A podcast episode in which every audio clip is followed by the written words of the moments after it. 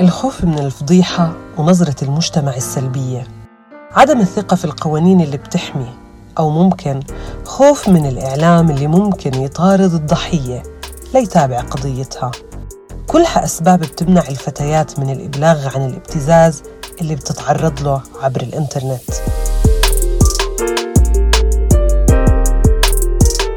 في الوقت اللي منعيش فيه انفتاح تكنولوجي كبير صار مفهوم العنف عبر الإنترنت منتشر بشكل كتير.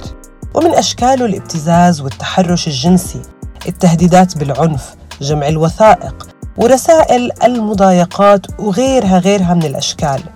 اليوم بقصتها القصيرة. رح نحاول نبحث أكثر بموضوع الابتزاز الإلكتروني ونسمع قصتها القصيرة.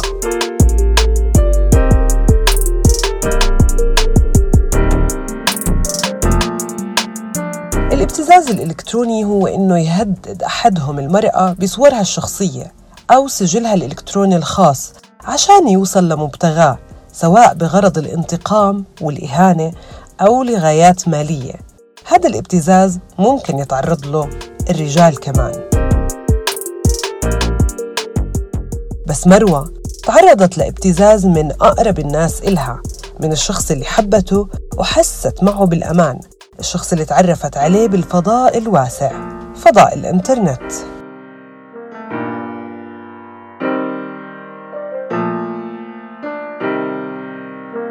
أكيد دايما في شعور الإحساس بعدم الأمان. هيك البنت بمجتمعنا راحت أو أجت اتعلمت واشتغلت استقلت ماديا بس لسه في شعور بعدم الأمان مرافقها بكل خطواتها. إذا طلعت خايفة إذا اشتغلت خايفة إذا شاركت سر مع صاحبة بتكون خايفة. حتى لما ترتبط وتخطب يمكن لما تتجوز تضل خايفة. الإنترنت سهل الحياة كثير اختصر مسافات بين الناس. مهما كنت مشغول أو بعيد أو زهقان قدر الإنترنت وال social media تحل هالمشكلة تخلي كل إشي سهل.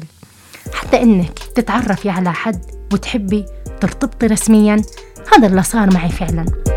تعرفت على شاب كان عايش ببلد تاني. بلشنا نحكي مع بعض. أنا بنشر صوري على ال social media.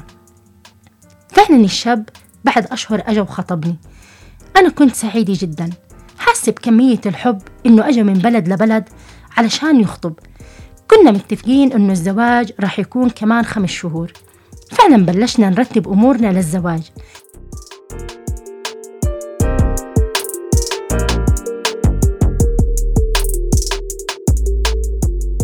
شو بدها الصبية أكثر من إنه تحس بالأمان والحب؟ إنه تلاقي الشخص اللي بحبها إجاها من بلد لبلد لا تقدر تكمل حياتها معه.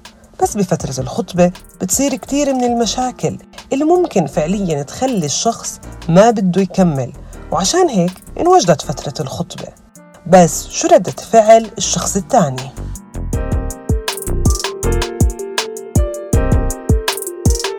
هاي الفترة كنا نحكي مع بعض. نبعت صورنا ونحكي عن تفاصيل كثير بحياتنا الجاي. بس كمان كانت فترة فيها مشاكل كثير بسبب البعد وعدم المعرفة الجيد ببعض. هالمشاكل وصلتني لمرحلة إنه بدنا نترك. ما نكمل.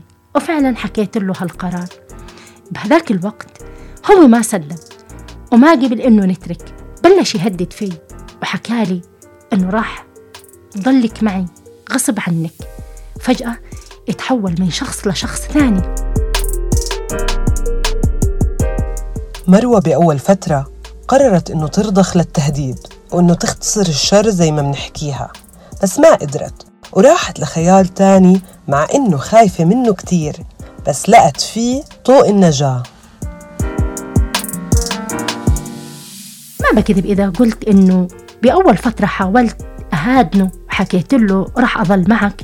بعدين حسيت إنه هاد عمر مش ممكن يضيع لأني خايفة من شي مش ممكن عارفة شو هو أو آخرته فقررت أحكي لأهلي. فعلا حكيت لأهلي حاولوا يحكوا معاه بس ما اقتنع وحتى معهم تحول. أهلي كانوا سند كبير إلي وعكس ما توقعت. ما سمعت منهم أي لوم أو عصبية وكملوا الطريق بأنه يحلوا القصة لحتى قدروا فعلا يحلوها وبطرق قانونية.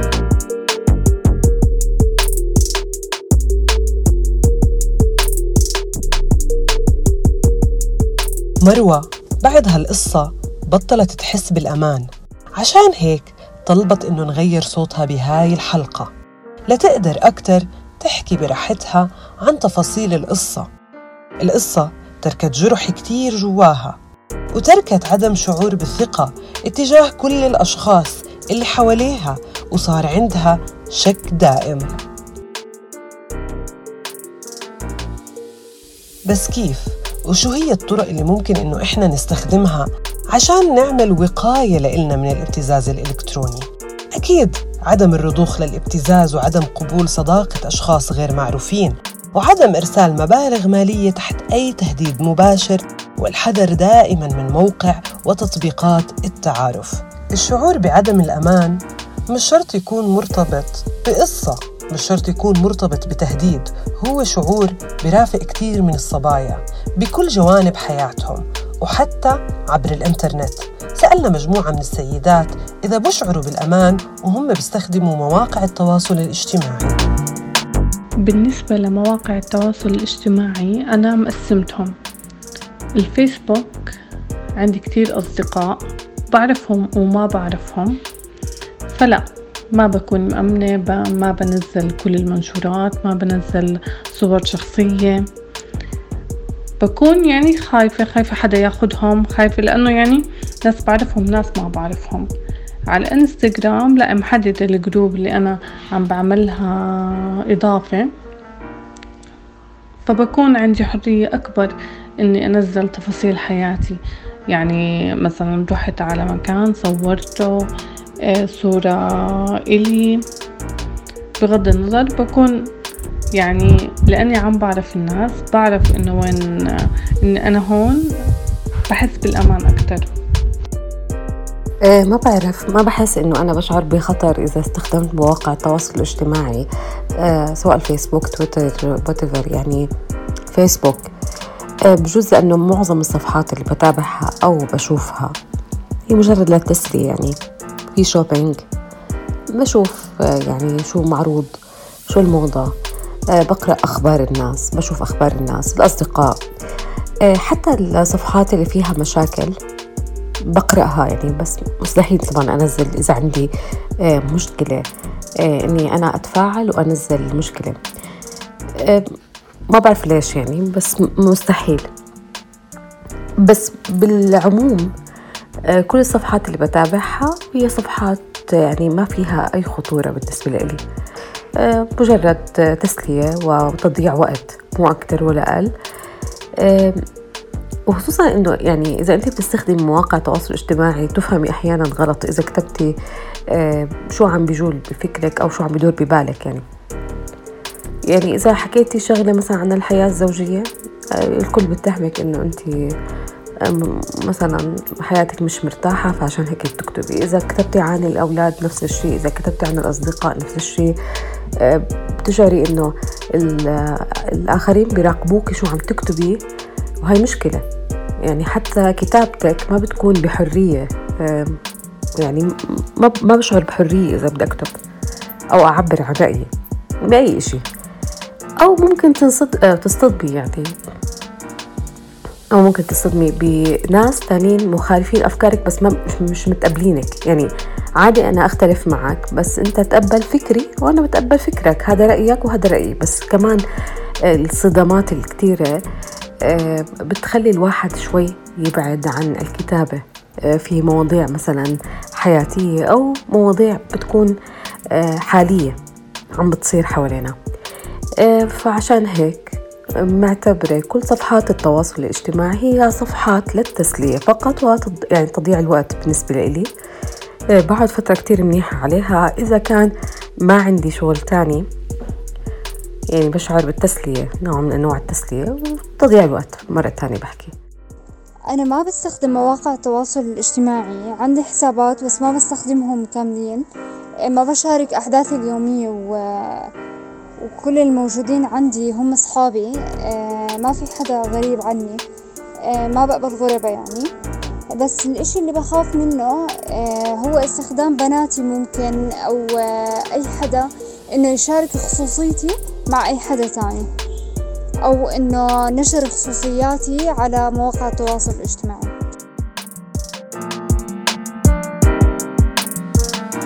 خبير أمن المعلومات معاذ خليفات بحكي لنا أكثر عن هالموضوع.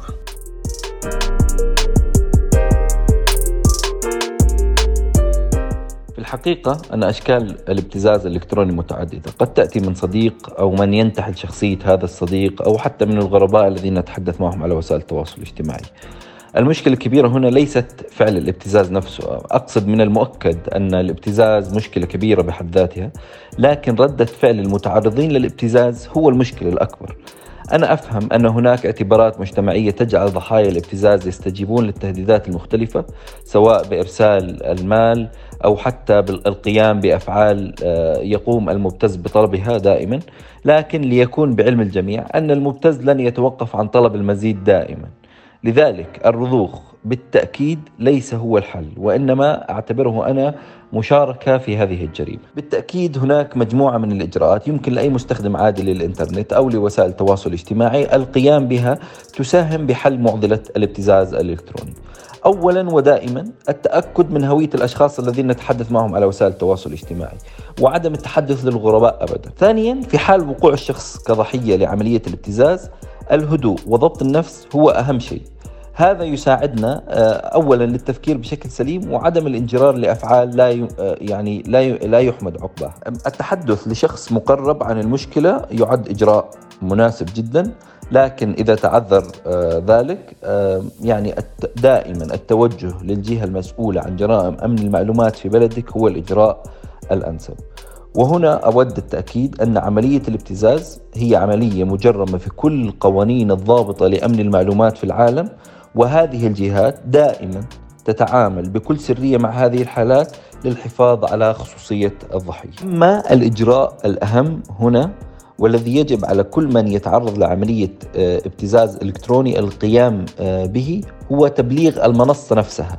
المنصة التي تعرضت آه، فيها لعملية الابتزاز الالكتروني عادة هذه المنصات جميع وسائل التواصل الاجتماعي تخصص روابط للتبليغ عن مثل هذه الحالات. لك أنصح دائما بالبحث عن هذه الروابط وملء الاستمارة آه، التي من شأنها آه، يعني أخذ جميع المعلومات حول عملية الابتزاز الإلكتروني الواقعة هنا.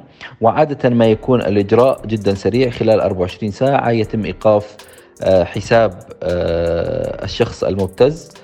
مع حذف جميع البيانات الموجودة فيه. وهذا يقلل بشكل كبير من ابتزاز أشخاص آخرين. آه، وفي بعض الحالات آه، قد يصل العقوبة إلى ما يسمى بالبان آي دي. البان آي دي يعني آه، أن الجهة أو وسيلة التواصل الاجتماعي هنا قد لا تسمح للشخص المبتز بإنشاء حساب إلكتروني آخر من نفس الجهاز الذي يستخدمه. آه، وبالتالي المبتز بحاجة آه، لجهاز جديد وهذا يعد آه، تكلفة إضافية للشخص المبتز. هذا كل هذه يعني العوامل تساهم بشكل كبير في انخفاض معدلات الابتزاز الإلكتروني.